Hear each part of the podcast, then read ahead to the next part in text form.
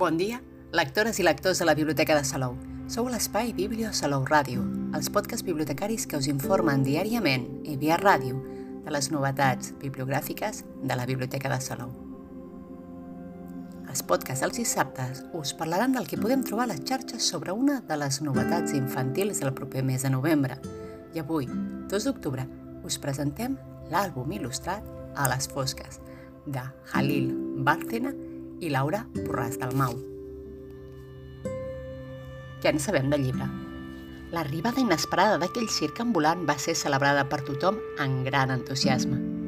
Com devia ser l'animal que guardaven en secret? Una nova versió d'un conte tradicional d'Orient que ens convida a reflexionar sobre la parcialitat de la nostra mirada. A les fosques és un àlbum il·lustrat de tapa dura. Té una extensió de 34 pàgines no numerades, amb les il·lustracions a tot color. Mesura 25 per 29 centímetres. Està editat per Akiara Books. L'edat recomanada és a partir de 6 anys.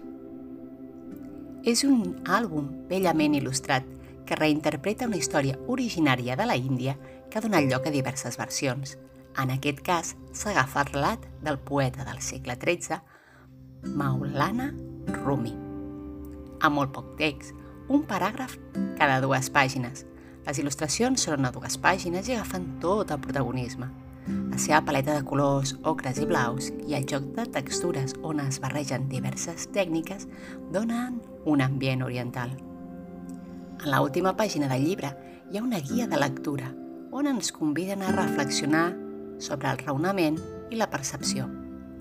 Vegem una mica més què ens expliquen en aquesta guia. El relat descriu les diferents percepcions que un grup de persones té d'un elefant en una habitació fosca.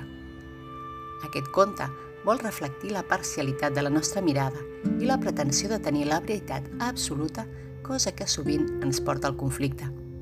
Si volem viure d'una manera més plena, en pau amb nosaltres mateixos i amb el món, necessitem ampliar des de petits la nostra capacitat de percebre.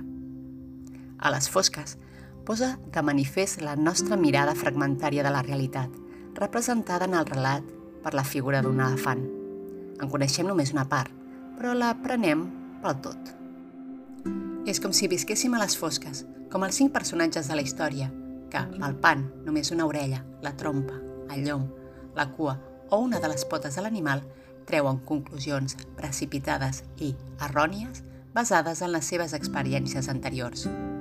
Ens cal una raó panoràmica, capaç de copsar el detall sense renunciar al conjunt, una raó que ens permeti adonar-nos, primerament, de la unitat indissoluble de la realitat i, en segon lloc, que la veritat de les coses no s'esgota en la seva aparença.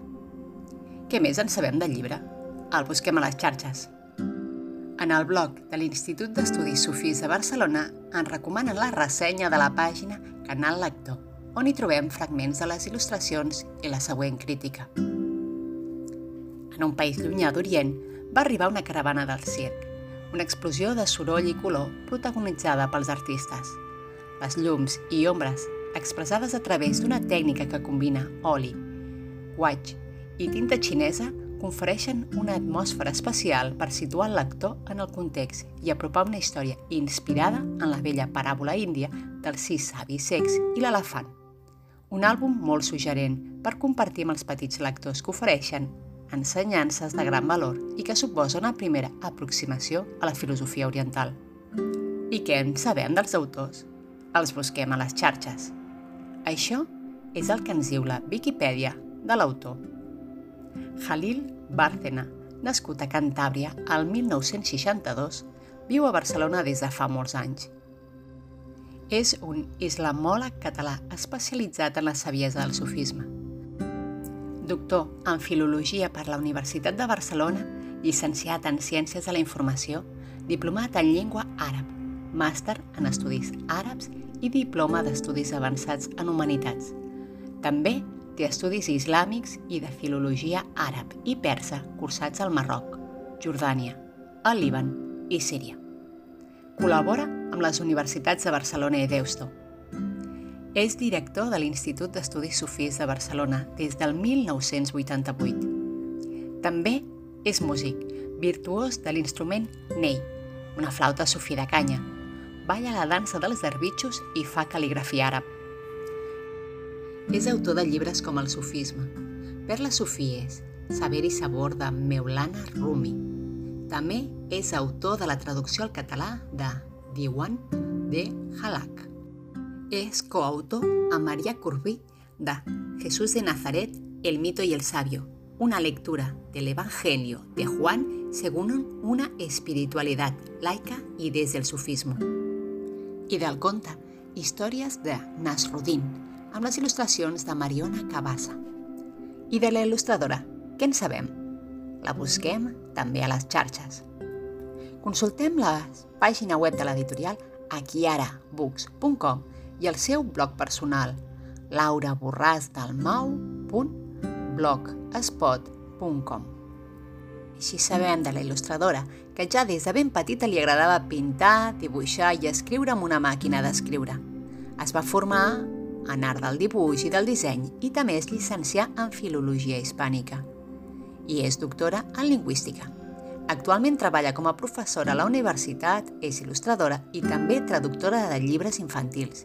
Li agrada barrejar les coses, explicar històries amb música, el dibuix, la veu i la dansa. Alguns dels llibres d'ella que podeu trobar a la xarxa de biblioteques municipals són El sembrador d'estrelles, 50 escletxes i un raig de lluna, A flor de pell, pensaments amb el cos, El camí de Marwan, entre molts d'altres.